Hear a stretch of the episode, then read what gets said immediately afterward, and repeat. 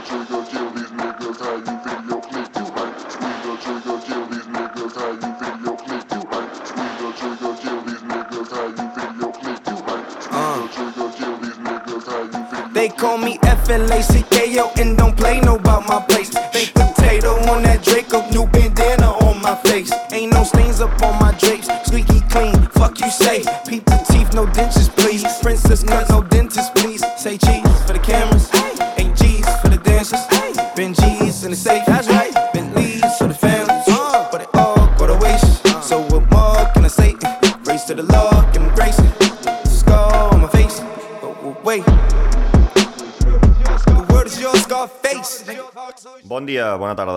Com esteu, gent de bé? Espero que estigueu igual d'optimistes que jo, és a dir, ja estem en plena primavera, ens han desconfinat i a més sembla que les vacunes ni causen trombos ni et fan sortir noves extremitats ni res xungo. És més, des que em van posar la vacuna estic més entusiasmat que mai per la gamma de productes que ofereix Tesla i el seu gran líder Elon Musk. Però bé, ara que ja hem fet una mica de small talk i ja sabeu amb què omplir aquells eterns silencis quan us trobeu al vostre cap a l'ascensor de l'oficina, doncs eh, anem al lío. A veure, feia temps que no sentíeu la meva veu per aquí, però això té motiu de ser. No estava mort ni tampoc de parranda, sinó que he estat intentant moure el projecte de detritus argumental per diverses bandes. De fet, vaig anar a Ràdio 3 a veure si em contractaven per fer el programa de les 6 de la tarda i em van dir que els havia agradat la meva idea i que em trucarien, però encara no m'han dit res. Deu ser que s'estan estudiant la proposta en profunditat. Però, bromes a part, he estat una mica liat perquè, entre altres coses, hem estat preparant un programa amb el meu amic Víctor a Aja Radio, una ràdio online que ha muntat la bona gent de l'Isaba. El programa, que serà bisetmanal, es diu Type Beats i podreu sentir-ne el primer episodi en breus a l'enllaç d'Aja Radio que us posaré al meu Twitter. Um, però aquí estem, de nou, i avui us porto una nova entrega de Detritus en la qual us parlaré d'una de les meves artistes musicals preferides, que és la Kate Bush. George Bush doesn't care about black people. No, Kanye, aquest Bush no. Avui parlarem de la Kate Bush, la cantant anglesa que va triomfar sobretot als anys 80. A veure, els alumnes més avantatjats de la classe ja hauran enllaçat la cançó de la intro, Babushka Boy, de l'A$AP Rocky, amb un dels grans hits de la Kate, que és Babushka. En Babushka Boy, que per cert va ser la cançó que el Rocky va treure després de sortir de la presó a Suècia, no sé si us en recordareu, que s'hi va posar el tram de pel mig per a que l'alliberessin i tot, en el que va ser un dels episodis de diplomàcia internacional més surrealista des que dos humoristes russos van fer creure a Dolores de Cospedal que Puigdemont era un espia de la KGB. Uf, quasi m'ofego, he de deixar de fer frases subordinades tan llargues. Però tornem al tema perquè tot i que desconec si el Rocky es va inspirar en la cançó de la Kate, aquesta connexió m'anava de perles per obrir aquest episodi on, sobretot, vull transmetre-us la consciència de la influència que ha tingut la Kate Bush en artistes de generacions posteriors, alguns dels quals no imaginaríeu mai. I això també em serveix per reclamar la importància que mereix el seu llegat i per mirar d'encaixar-la dins del cànon dels grans artistes de la música popular, que sovint és força injust en figures com la de la Kate. Figures que no tenen gaire cabuda a la sensibilitat de qui traça una línia d'Elvis, Beatles, Rollings, eh, Pink Floyd i Nirvana i que diu que l'últim gran grup són els Strokes. Um, aquesta línia és la que ha determinat els grans clàssics i la que li dona forma al Hall of Fame del pop i del rock. I potser és que aquesta línia s'ha traçat tradicionalment a partir de la música que escoltaven els nostres pares i potser, només potser, les nostres mares no hi han tingut gaire dir en tot això. En qualsevol cas, sigui quin sigui el motiu pel qual la Kate Bush no està al més alt de l'Olimp musical, avui vinc a reivindicar-ne la seva pertinença. I què millor que començar pel principi, pel primer single que va treure la Kate l'any 1978, que, per qui no estigui familiaritzat amb la seva música, us adverteixo que al principi us sobtarà una mica la veu.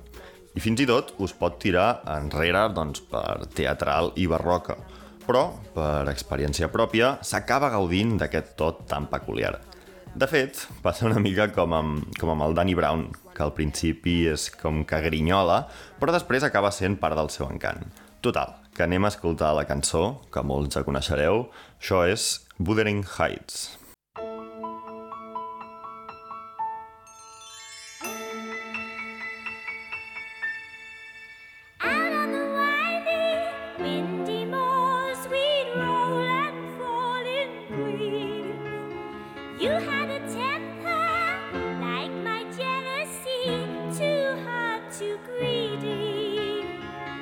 科技。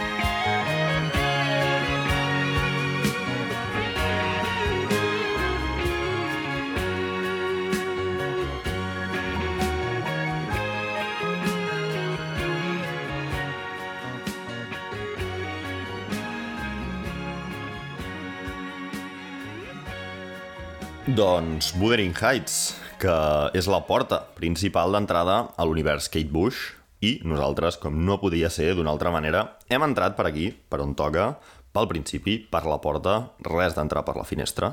I és que Wuthering Heights va ser el primer single que va publicar la Kate Bush amb tan sols 19 anys i va ser un èxit instantani arribant al número 1 de les llistes a Anglaterra, que de fet era la primera vegada que una artista dona, en solitari, ho aconseguia amb una cançó autocomposada. El cas és que Wuthering Heights era el primer abans de l'àlbum que va publicar aquell mateix any, el 78, i l'àlbum en qüestió, The Kick Inside, també va arribar al top de les llistes. De nou, la primera dona en solitari que ho aconseguia. I no va ser només un èxit comercial, sinó que també ho va ser de crítica – i mirant enrere, no és cap bogeria dir que probablement és un dels millors debuts de tots els temps.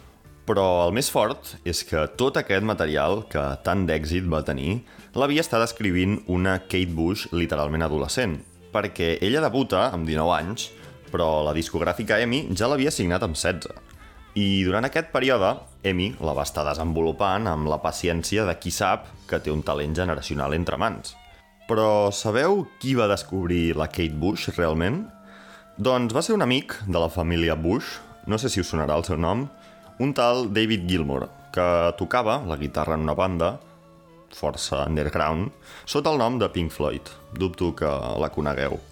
El cas és que va ser Gilmour qui va advertir a la Amy que allà hi havia quelcom especial. I vaja, s'hi va encertar. De fet, algun cop he llegit que la Kate Bush és l'aportació més important que ha fet el David Gilmour a la música. I em costa estar-hi en desacord. Sorry, not sorry. Però és molt interessant la relació entre la Kate Bush i grups com Pink Floyd o King Crimson, perquè la Kate havia crescut escoltant els discos de rock progressiu dels seus germans grans i aquesta influència es nota moltíssim en els seus primers àlbums. Però, precisament, la carrera de la Kate s'enlaira enmig de la tempesta del punk, és a dir, en un context que tenia com a element fundacional el rebutjar aquestes influències de la generació anterior. Per tant, a través de continuar pel camí que els punks estaven intentant destruir, la carrera de la Kate anava contracorrent ja des del minut zero. I el millor de tot és que li va sortir bé. Què dic bé? Millor que bé. Va aconseguir independitzar-se totalment de les dinàmiques estilístiques del moment, en el que per mi és una mena de miracle metamodern únic i que va aconseguir prolongar al llarg de la dècada següent. I aquesta demostració constant, innegociable i no reaccionària de la seva personalitat és el que separa la Kate Bush i qualsevol bon artista de la resta. I Wuthering Heights és un exemple tan bo com qualsevol altra cançó de la Kate per apreciar la manera única amb la qual ella expressa aquesta personalitat. Perquè un factor diferencial en la música de la Kate Bush són els temes sobre els quals escriu i canta. Resulta que Wuthering Heights està inspirada en la novel·la d'Emily Bronte, del mateix nom, una història del segle XIX sobre dues famílies dels landes anglesos enfrontades per l'adopció d'un nen. Ja em direu quin cantant de pop escolliria un tema així per escriure el seu primer single. I per si això no fos suficientment particular, hi ha un moment en la cançó en la qual la Keith imita d'una manera que frega el camp un fantasma que apareix a la novel·la. És a dir, qui fa aquesta mena de coses en el seu single de debut? però és que aquesta idiosincràsia temàtica no es va quedar a Wuthering Heights ni molt menys. És més, jo diria que la Kate mai va escriure una cançó d'amor tradicional. Tot el contrari, si parla d'amor, ho fa des de perspectives totalment no convencionals, com veurem més endavant. Però la seva personalitat també li va permetre escriure cançons, per exemple, sobre la detenció d'un home que inventa una màquina que fabrica núvols sobre la crueltat eh, envers els aborígens australians o sobre un experiment secret en el qual el seu so es converteix en una arma de destrucció massiva. Vaja, que la Kate Bush no és una popstar típica. I això, naturalment, ha inspirat a molts artistes que han vingut després. Una de les hereves musicals més fàcilment identificables és la Tori Amos, que als anys 90 es va dedicar a ressuscitar bona part de l'estil de la Kate Bush més barroca, és a dir, la dels tres primers àlbums. Segur veureu molt ràpid la influència en aquesta Precious Things, que sonarà ara, però això no li treu ni una mica d'autoritat al títol autodescriptiu de la cançó.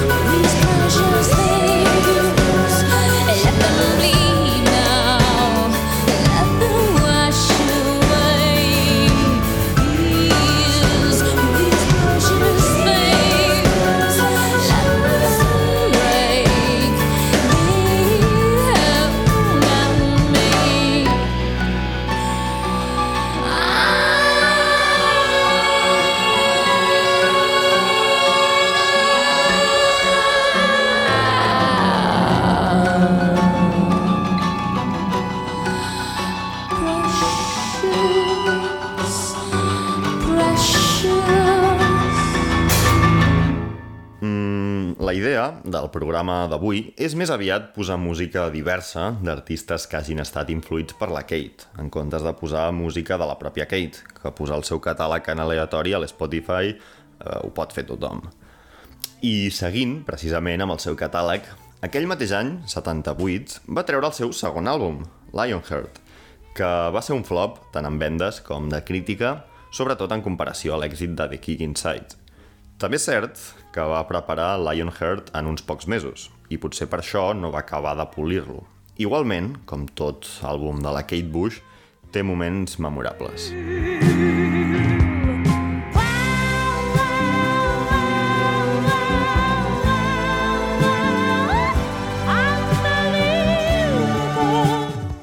Però, de fet, el fracàs relatiu de Lionheart és el que s'esperaria de normal d'un artista amb el perfil de la Kate.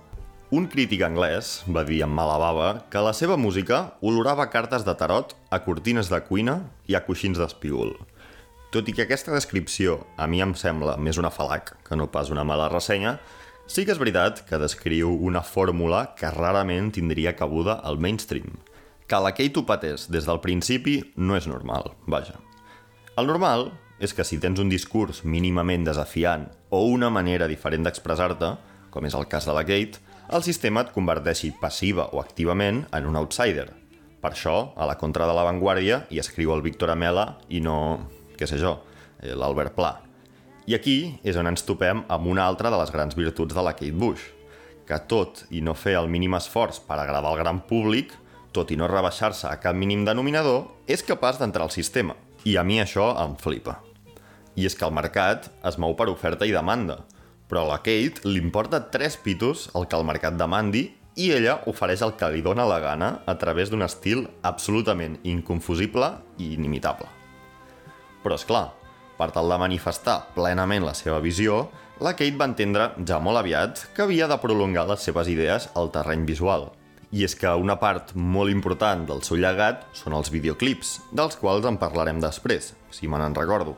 Però després de publicar Lionheart, va decidir embarcar-se en un tour que marcaria la seva carrera. Naturalment, tractant-se d'un artista com ella, no va planejar uns concerts convencionals. Per començar, cada actuació requeria de 17 canvis de vestuari, que acompanyaven la faceta de ballarina que la Kate portava anys entrenant. Però no només s'havia currat el tema de ballar, també havia estat fent classes de mim amb Lindsay Kemp, un mim molt famós a Anglaterra que també havia ensenyat a David Bowie anys abans. I és clar, si la Kate volia fer totes aquestes mogudes, literals i figurades, no es podia permetre sotmetre l'expressió corporal a la tirania dels micròfons amb cable. Així que l'única opció que tenia era de tirar de micro inalàmbric. Però què passa? Doncs que estem parlant de 1979, no de 2021. Els micros inalàmbrics no existien. Però això, a la Kate, li va importar més aviat poc i va decidir adaptar la tecnologia existent al seu propòsit. I d'aquesta manera, tal qual, es va convertir en la primera persona en fer servir un micròfon inalàmbric en una actuació en directe. Ara bé, com comprendreu, muntar tota aquesta parafernàlia futurista no li va sortir pas barat. I això, sumat a que el seu director d'il·luminació va morir la nit de l'estrena, doncs va acabar complicant molt mantenir i extendre la gira. Al final, la Kate va acabar amb les butxaques escurades i fastiguejada fins al punt que no va tornar a programar un concert en 35 anys. I els fans del Frank Ocean ens queixem després. Em, en qualsevol cas, després del fracàs del tour, el següent pas, lògic per la Kate, era treballar en material nou, però eh, per aquest tercer àlbum ja venia amb unes quantes lliçons apreses. En primer lloc, sabia que no li calia comprometre la qualitat del disc per un tema de calendari. I de fet, es va passar 9 mesos a l'estudi. Però a més, va agafar consciència de la importància d'agafar les regnes de la producció. Si és que el que volia era tenir un control total sobre la presa de decisions que modelaven la seva expressió artística. I amb aquests dos elements va aconseguir posar la cirereta, el pastís que és el seu talent, i va publicar Never Forever, un dels seus millors àlbums i probablement, no sé, el seu més infravalorat. Um, això sí, en cap moment es va baixar del carro de la idiosincràsia, més aviat tot el contrari.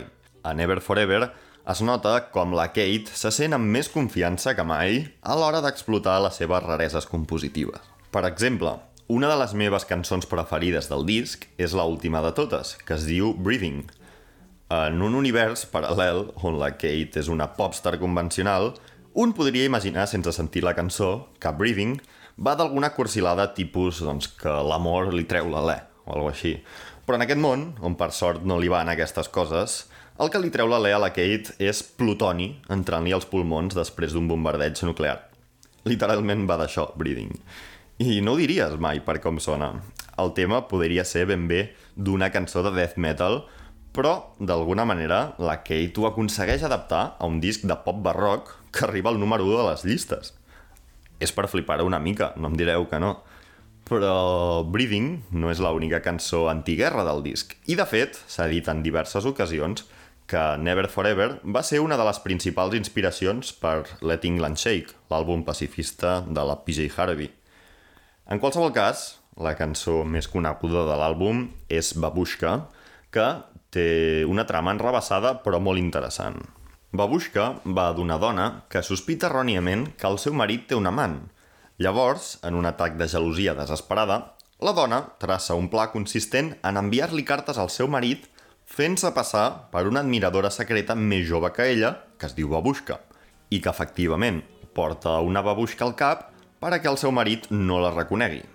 Total, que al final la babushka, és a dir, la dona disfressada, queda amb el marit, que se sent atret per la babushka perquè li recorda la seva pròpia dona. Què passa? Doncs que la dona se n'adona de que el marit era en realitat lleial, i el penediment la du a un estat de paranoia que acaba per destruir la relació. Tot això en 3 minuts i 19 segons de cançó. És que, francament, com a cançó de desamor, Babushka sola li passa la mà per la cara a tota la discografia de la Taylor Swift combinada. Ara, eh, ataqueu-me el que vulgueu. Però és que a sobre, Babushka també és molt important per ser una cançó pionera en l'ús del sampling. Escolteu un moment la part on la Babushka trenca un mirall. Babushka, babushka,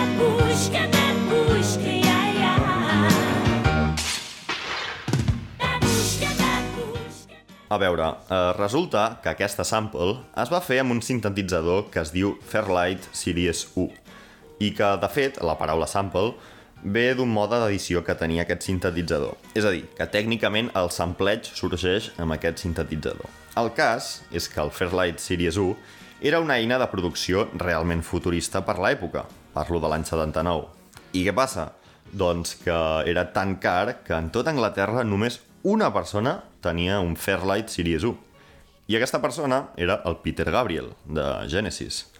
Total, que el Peter Gabriel li va deixar el sintetitzador a la Kate Bush per a que el merdegés una miqueta i la resta és història, perquè, si no tinc mal entès, Babushka és la primera cançó publicada en incorporar la tecnologia del Fairlight.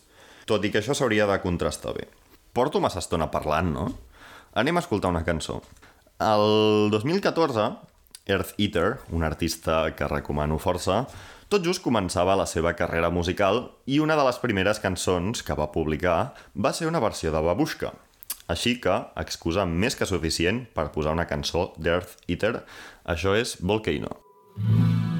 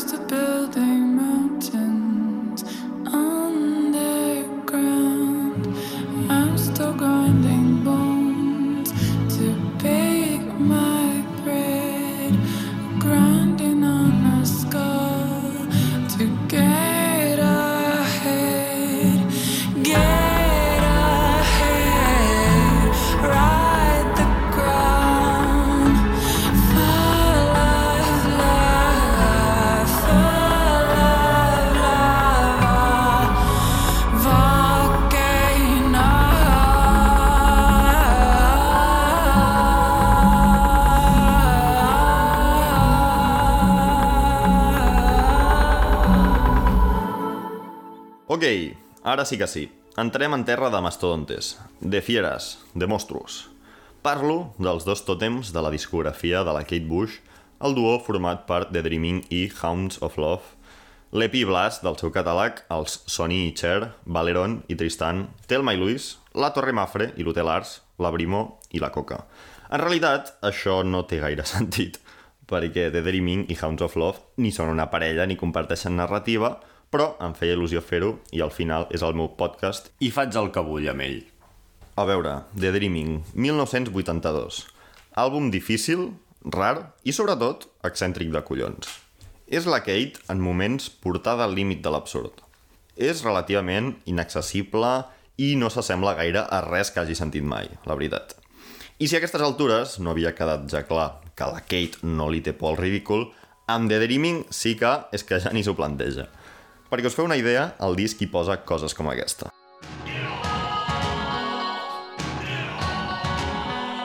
Eh, sí, és el so d'una persona imitant un asa. Tot i que no és la Kate, sinó que és un tal Percy Edwards, imitador professional d'animals, i que en aquest cas li van pagar per bramar.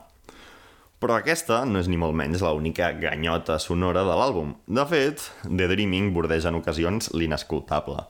Però tot just quan els timpans estan a punt de portar-te al Tribunal Internacional de la Haia per obligar-los a suportar les estridències de la Kate, apareix una atmosfera etèria que els assossega. Atmosfera de la qual el títol de l'àlbum ja adverteix.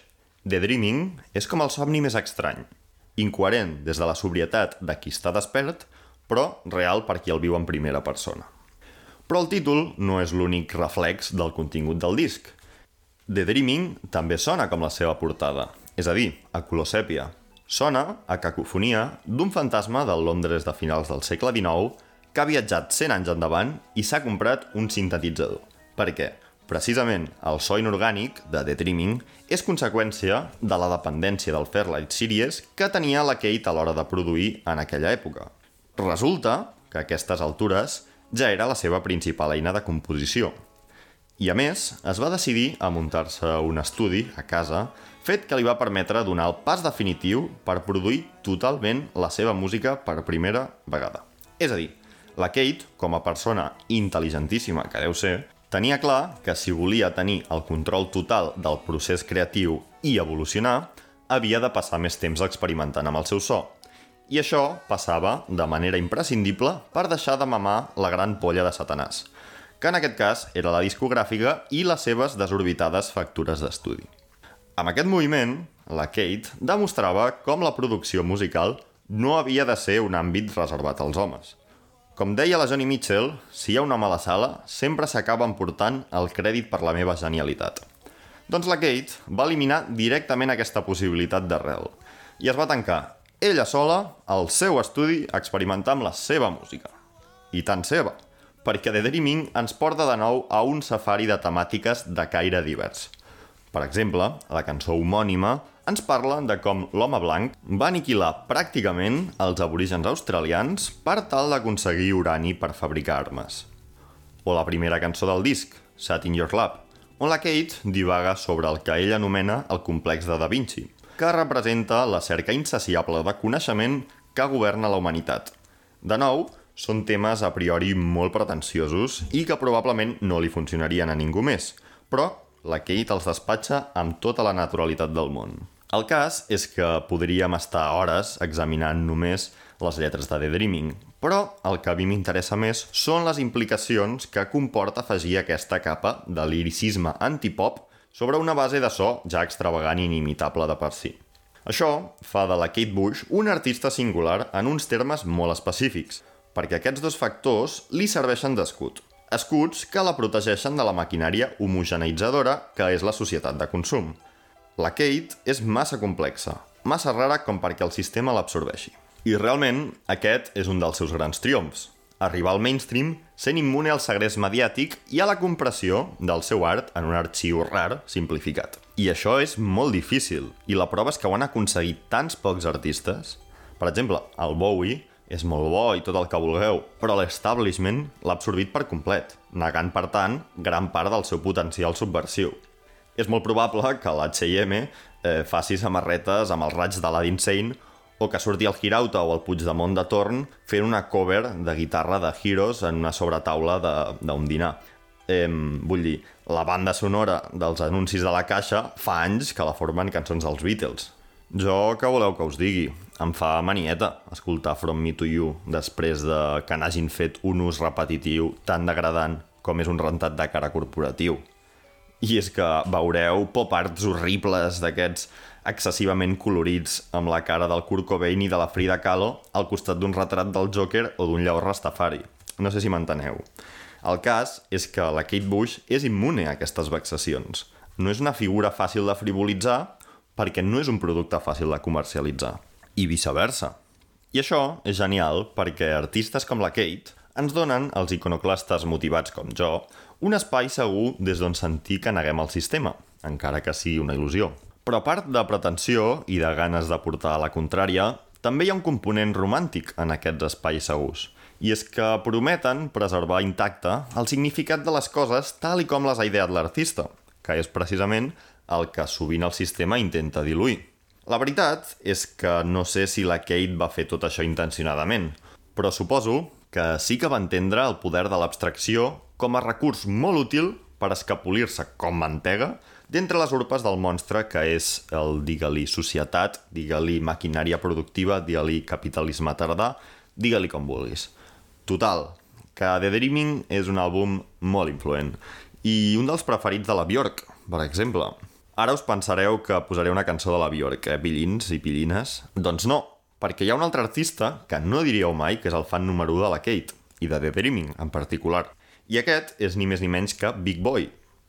Resulta que la meitat compacta d'Outcast és tan fan de la Kate Bush que una vegada va estar un mes sencer a Anglaterra intentant conèixer-la, ja que la Kate és extremadament reclusiva i rarament es deixa veure el pèl. Al final, però, van acabar sopant un dia, esdevenint el que el d'Atlanta va qualificar de fucking incredible. Vaja, tot això per dir-vos que posaré una cançó de Big Boy, que per cert no és ni Big, fa 1,68 m, ni un boy, té 46 tacos, però el que sí que ningú li pot negar és que té un dels millors temes de hip-hop de la dècada passada i, a més ve de la mà de Gucci Mane, en aquest Shine Blockers. Yeah, the ladies say ho. All the hoes say ho, say ha, ha, ha. Yeah. There we go. Eight town, Seafolk, cut master swift down your throat. Shout it.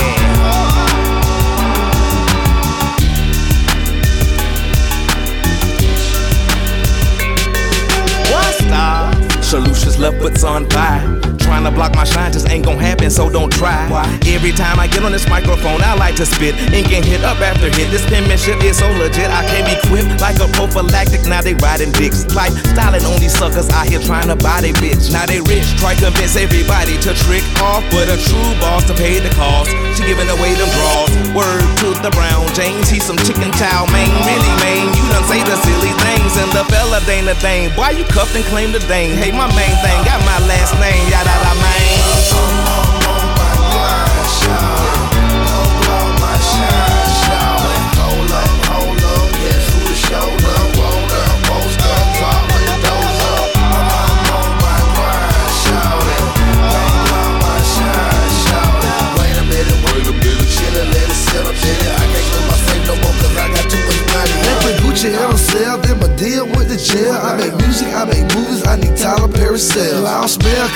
Lounge, fucking what the hell? Gucci man, so I'm Gucci down, she got on Chanel. In the cut, rolling stupid kush like I'm in a rush. In the club with a half a pound, 150 blunts. Zone 6, East Atlanta zone, fuck with me alone. So I shine like a showtime, all my jewelry on. On the block with the stupid rock, boy, you need to stop. When I stop, everybody watch, call don't have a talk. And a scratch cost a stupid check, rolling up the pack, and I'm gone, I can't even flex. Eastside, where you at? Gucci.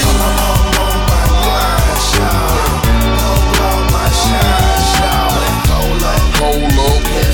shoulder.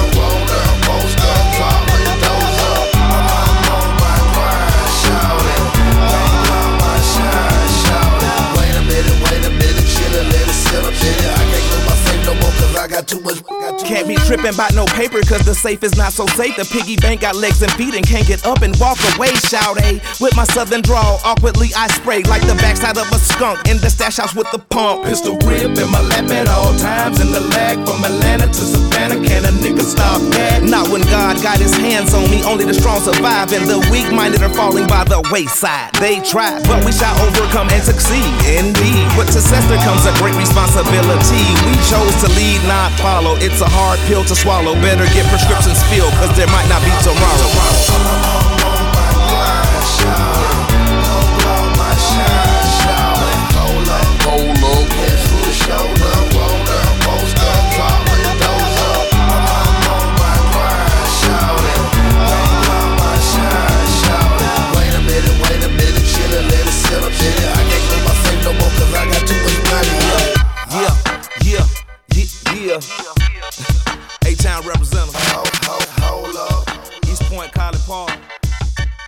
Decatur. Yeah. I got my armor on, sword and shield on deck. Yeah. Doncs si abans parlàvem de The Dreaming, ara toca Hounds of Love.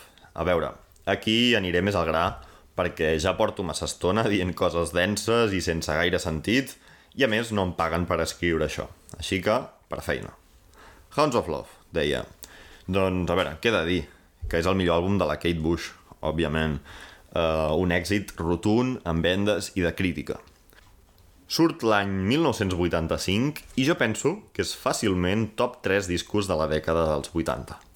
Una cosa que sí que us diré és que de la mateixa manera que quan la Kate compartia ecosistema amb el punk anava contracorrent, a aquestes altures dels 80, on regnava la música sobreproduïda i les estètiques horteres, doncs de nou la Kate segueix fent el que li dona la gana sonora, estètica i líricament. L'àlbum comença amb Running Up That Hill, el seu hit més gran des de Wuthering Heights. I com Wuthering Heights, la lletra és un exercici d'empatia com pocs he sentit en la música.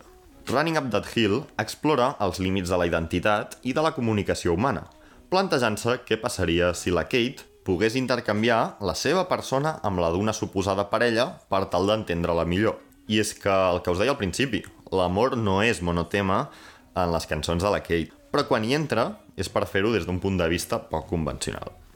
Realment, tota la cara A de Hounds of Love eh, són hits i donaria això per molta estona, però eh, trobo molt particular la història darrere de Cloudbusting.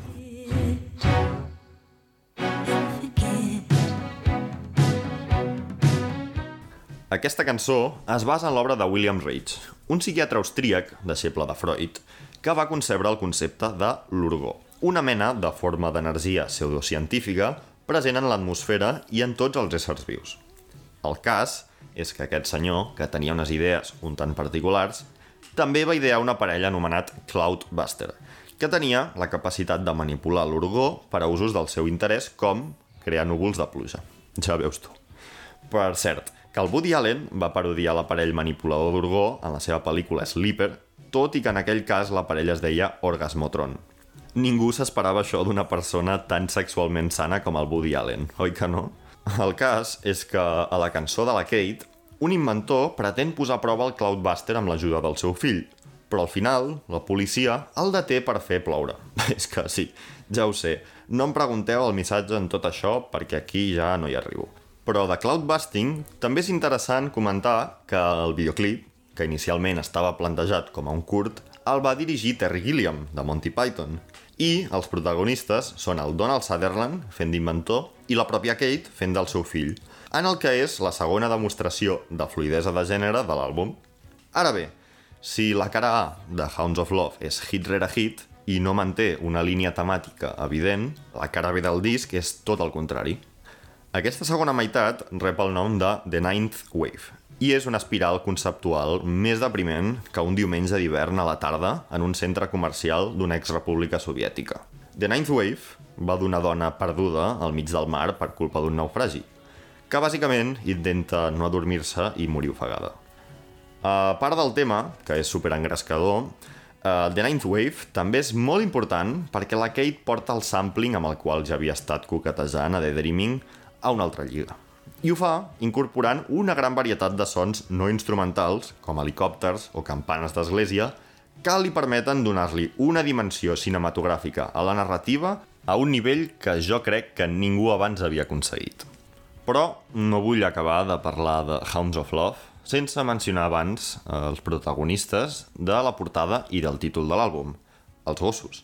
Sí, resulta que Hounds of Love, com a mínim en els meus ulls, també és molt important en la mesura en què demostra un cop més la superioritat dels gossos respecte als gats. Perquè, que jo sàpiga, ningú li ha dedicat un àlbum al seu gat. És clar que no. Els bons artistes són més de gossos. I la Kate ho demostra i a més crea escola. Per exemple, el propi gos del Frank Ocean va guanyar un Grammy perquè apareixia com a productor executiu als crèdits de Channel Orange. O la Lorde, que ha traçat el seu àlbum més de dos anys perquè se li va morir el gos. Però, si hi ha algun artista que té claríssim que el gos i no el gat és el millor amic de l'home, aquesta és la Fiona Apple. I és que l'exnòvia de Paul Thomas Anderson i de Les Rec no només fa aparèixer un dels seus gossos a la portada de Fetch the Ball Cutters, sinó que a més també els hi dona un rol vocal en cançons del disc. I és precisament a Fetch the Ball Cutters on la Fiona deixa anar aquesta referència de Hounds of Love. I grew up in the shoes they told me I could fill.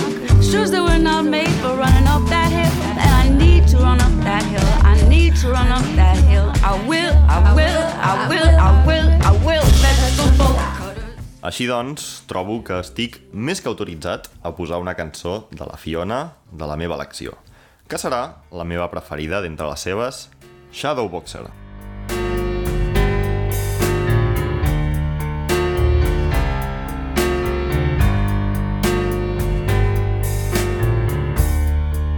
Once my lover, now my friend. What a cruel thing to pretend. What a cunning way to condescend. Once my lover, and now my friend. Oh, you creep up like the cloud, and you set my soul at ease. Then you let your love abound,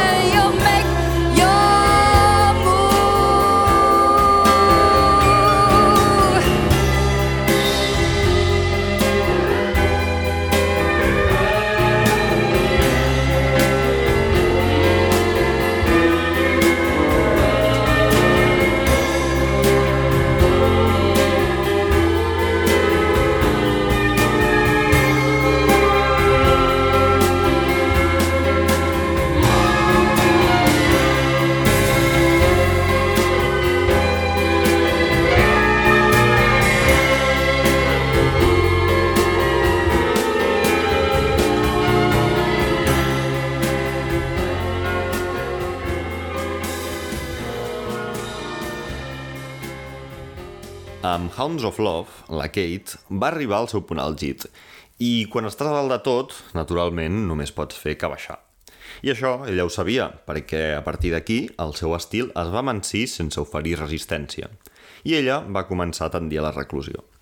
De totes formes, abans d'iniciar aquest camí de baixada, que no té per què tenir menys valor que la pujada, va treure dos singles l'any 86 que trobo força interessants. El primer va ser Don't Give Up, amb una col·laboració amb el seu amic Peter Gabriel, i el segon, del qual em vull parlar breument, era Experiment 4. Uh, Experiment Ford va d'un pla fictici que tenen els serveis secrets britànics per tal de crear un so tan terrible que pogués matar persones. En el videoclip, eh, que té molta xitxa, aquest so destructor i assassí està representat per un espectre d'aparença monstruosa que acaba resultant-se la Kate i que, una vegada invocada, s'acaba tornant en contra dels científics de l'experiment i de l'exèrcit i els mata a tots. Bàsicament, el mateix argument que la primera pel·lícula de Pokémon. Um, jo crec que la narrativa d'Experiment 4 és una crítica directa a les estructures del sistema que intentaven apoderar-se de la imatge de la Kate, o també es podria interpretar com un comentari sobre els industry plans i els monstres que creen les discogràfiques. No ho sé. Però el que sí que sé és que al vídeo hi surten, per exemple, actors com el Gary Oldman o un jovíssim Hugh Laurie, que a sobre fa de doctor per primera vegada. O sigui que ja veieu, en un sol videoclip, la Kate Bush va crear el Mewtwo i el Doctor House. Parlant de crear i de la influència de la Kate, eh, jo crec que la seva obra va contribuir en bona part a construir un nou so que en aquella època ja començava a agafar força, el Dream Pop, que no el shoegaze. De fet, no sé si és gaire ortodox tirar aquesta connexió, però si gran part del Dream Pop descansa sobre Cocteau Twins, Cocteau Twins descansa en no menor mesura sobre la Kate Bush i Wuthering Heights.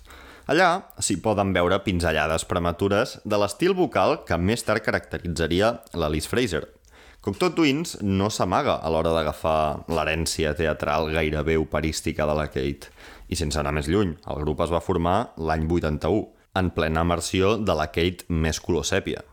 Però vaja, que de nou, torno a fer piruetes per posar la música que em dóna la gana. Imagino que estarem tots d'acord que Heaven of Las Vegas és la millor cançó del món, però no la posaré perquè ja la deu conèixer i si no la coneixeu, hauríeu. Um, escoltarem, de totes maneres, una cançó fantàstica, una mica anterior a Heaven of Las Vegas, per això, també per quadrar-la amb l'època de la Kate de la que estàvem parlant. Això és Caroline's Fingers.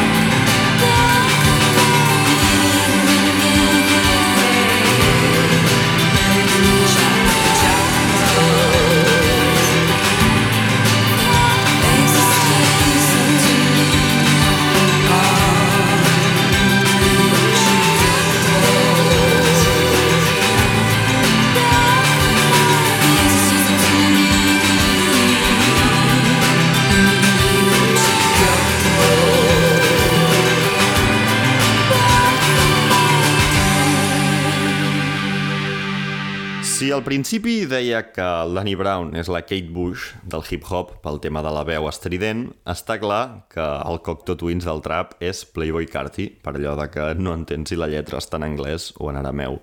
Però, seguint amb la Kate, després de publicar Hounds of Love, va trigar 4 anys en treure un nou àlbum, que en els meus ulls era ja el primer indici d'una desescalada que la portaria a publicar música cada cop amb menys freqüència. El disc en qüestió és The Sensual World i és un disc normal, com a mínim pels estàndards de la Kate. Una ressenya a Rate Your Music el descriu molt bé. Diu que mm, The Sensual World és la germana més madura i menys imaginativa de Hounds of Love, amb la qual hi podries haver sortit perfectament si no haguessis conegut Hounds of Love en primer lloc. Però amb el temps i la confiança acabes desenvolupant una mena de crash culpable per The Sensual World. El cas és que el poder d'aquest disc està en que la Kate demostra que no depèn de fer grans estridències ni filigranes per resultar interessant. Però tot i que el so de The Sensual World transmet la confiança reposada de la maduresa, aquest no haver de convèncer ningú de res, això no vol dir que les lletres caiguin en l'autocomplaença i en la comoditat. A la cançó Heads We Are Dancing, eh, per exemple, la Kate s'imagina què passaria si un dia ballés amb el Hitler sense saber-ho i s'horroritza quan se n'adona més tard amb qui ha estat cara a cara. Es veu que aquesta idea va sorgir arran d'un amic de la família Bush que deia haver sopat un dia per casualitat amb Robert Oppenheimer, el pare de la bomba atòmica, i no se'n va assabentar fins al dia següent. A la següent pista, anomenada Deeper Understanding, la Kate parla de tecnologia mirant al futur i especula com els aparells electrònics poden acabar aïllant la gent entre si. S'imagina una persona que es compra un ordinador capaç de substituir el confort que les relacions personals no li aporten. I com tot això, li crea dependència d'una caixeta negra, literalment preveient els smartphones vintage abans. De fet, és l'argument de Hair en 4 minuts i 46 segons de cançó. Recordem, publica Deeper Understanding l'any 89, abans que pràcticament ningú tingués ordinadors personals a casa. És que gairebé fa por, lo molt que s'avança a OK Computer, de Radiohead, que ja era visionari de per si. En qualsevol cas, les millors cançons del disc són probablement la primera, que comparteix títol amb l'àlbum, i l'última, This Woman's Work. I resulta que la Kate va escriure This Woman's Work per a una escena de la pel·li She's Having a Baby, on el protagonista, interpretat pel Kevin Bacon, espera desquiciat a l'hospital mentre la seva dona està donant a llum. La cançó està escrita des del punt de vista de l'home i pretén reflectir l'angoixa que ell sent quan el part es complica per culpa de que el bebè està molt posicionat i com se n'adona que no està preparat per una situació com aquesta i que ha de madurar de cop perquè ha estat un nen tota la seva vida. Aquesta vinyeta tan concreta és particularment similar a la que dibuixa Slow Tie a Feel Away, que va publicar fa uns mesos, tot i que el seu videoclip és una mica més macabre i acaba força diferent. Igualment, recomano molt que el mireu, però, mentrestant, anem a escoltar la cançó que també compta amb les col·laboracions de James Blake i Mount Kimby. We don't go on dates, we went our separate ways, and we don't conversate. She said I'm playing games, she said she feels trapped, stuck up in this fucking maze. How you been? I've been better than yesterday, and it was just a day. You know I don't complain, standing in the rain, soaking wet, trying to demonstrate that I don't feel away. I never hesitate. What's on your mind? Can you say what you thinking, babe? I'm too sure for my pockets, no, that's bollocks. Walking through my mind, it's a forest, don't get lost again. Said you want a cottage with a fireplace, sitting by the fire with marshmallows in a chocolate fake. You felt low, I took you higher than a note from Mariah. And still, you got the cheek to even try and call me liar. One up, one up in the oven, trying to trap me in by wire. Put a baby in your stomach if that's what you desire.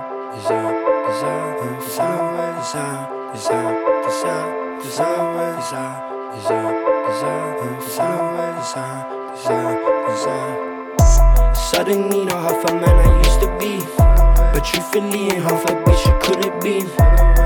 It's not you, so I guess it's me. It's not you, so I guess it's me. Suddenly, not half a man I used to be. But truthfully, ain't half a bitch you couldn't be. It's not you, so I guess it's me. This time out, This time out. This time out. This time out. This time I'll have one hand free. This has nothing to do with me. I leave the dent in my car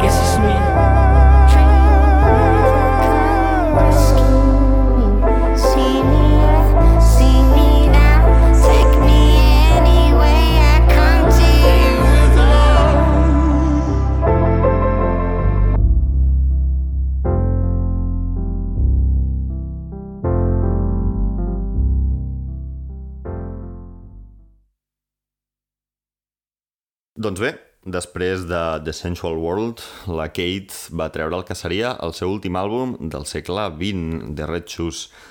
Um, el disc està inspirat, òbviament, en la pel·lícula dirigida per Michael Powell i Emmerich Pressburger, en el qual una ballarina de ballet acaba neuròtica perduda per culpa de treballar massa.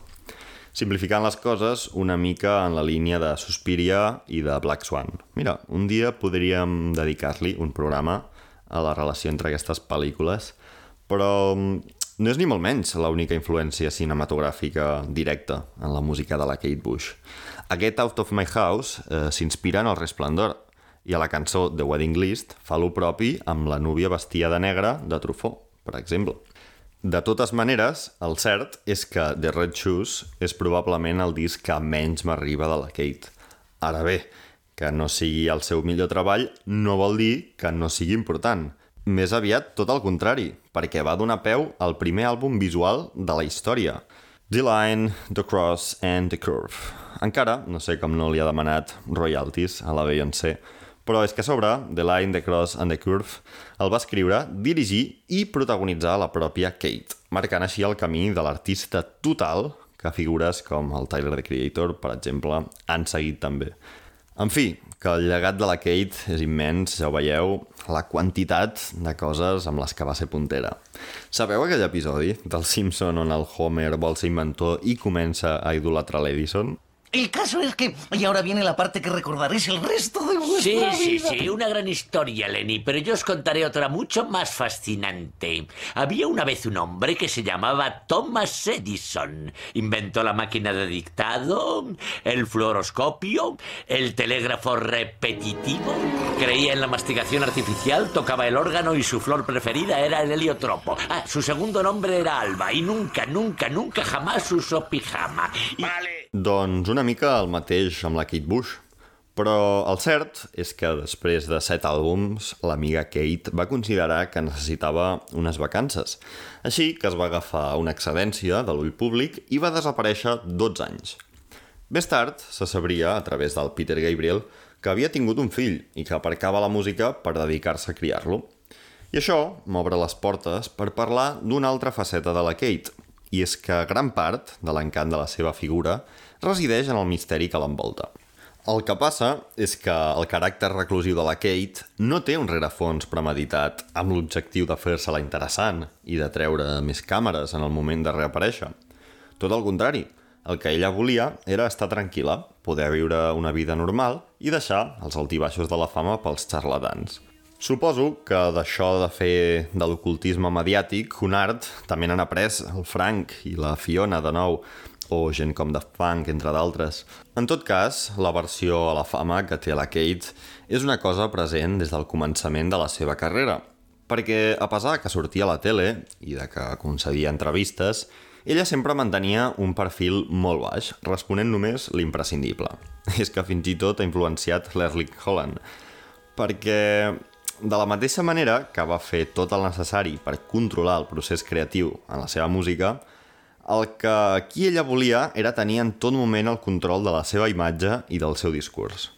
I és que si mireu entrevistes amb la Kate, de vegades és fins i tot incòmode veure com neutralitza l'entrevistador amb respostes d'ínfima substància.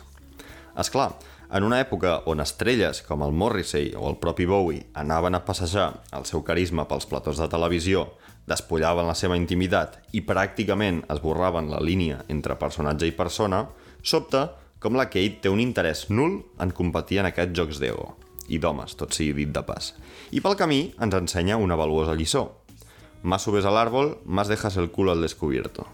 I a part de fer tot això per poder conciliar feina i vida personal com qualsevol altre ésser humà normal, la Kate també eh, interpreto que vol apartar la seva vida particular de les mirades de la gent perquè les mirades se centrin en entendre la vida a través de les seves cançons.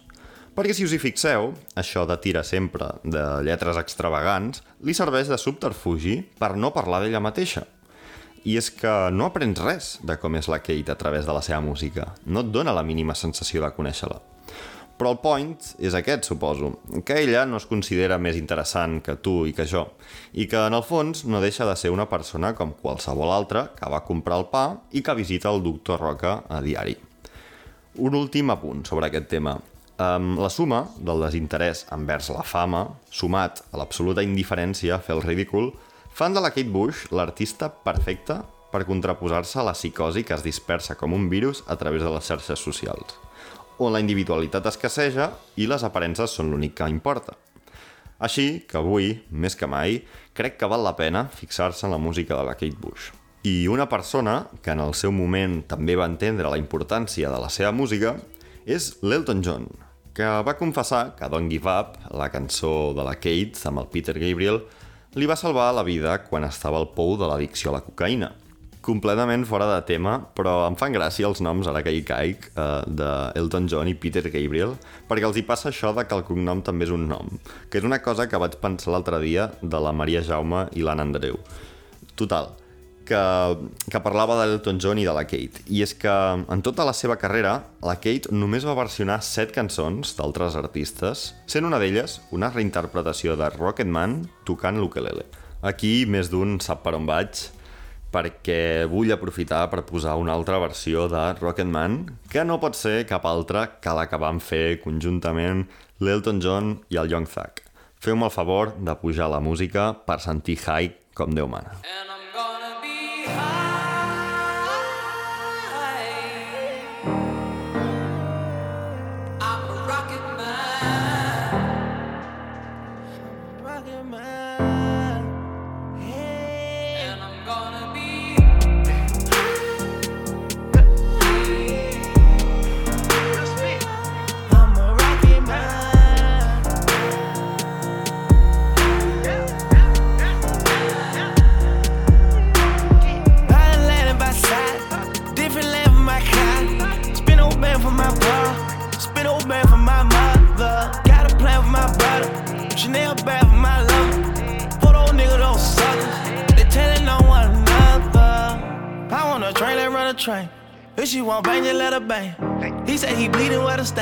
My bitch at the top of food chains. They local, I don't even know the name. i been fresh since a kid, ain't never played. I just picked up a back in Rotterdam. I'ma whip out the Mac and pop your brain. I do what I want and shout it can't. I do what I feel and shout it can't. I'm digging, I digging, shout it lane. And all of the bitches say they dig that. From Maine way to Spain. All I got is some chicken for the thoughts. I take off like a plane. I'm gonna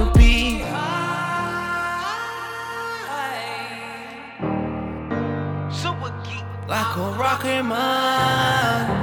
Yeah, like a rocket man. Yeah.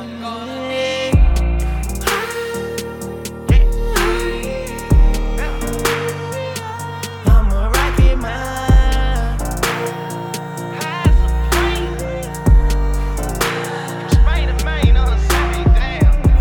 On a private, on I'm a rocket launcher.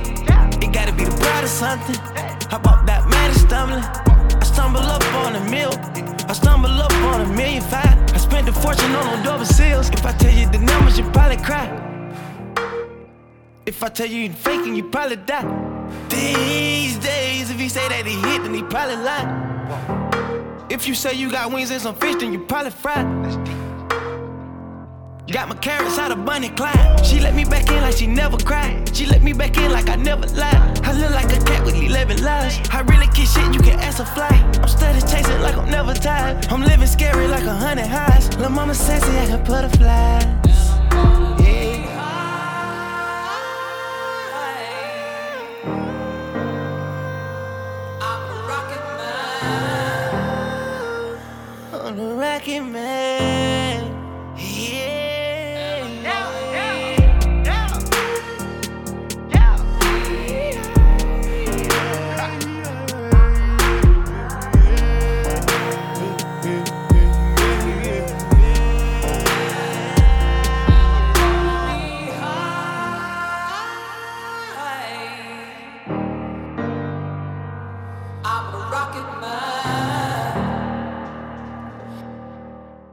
Potser tocaria anar acabant, no?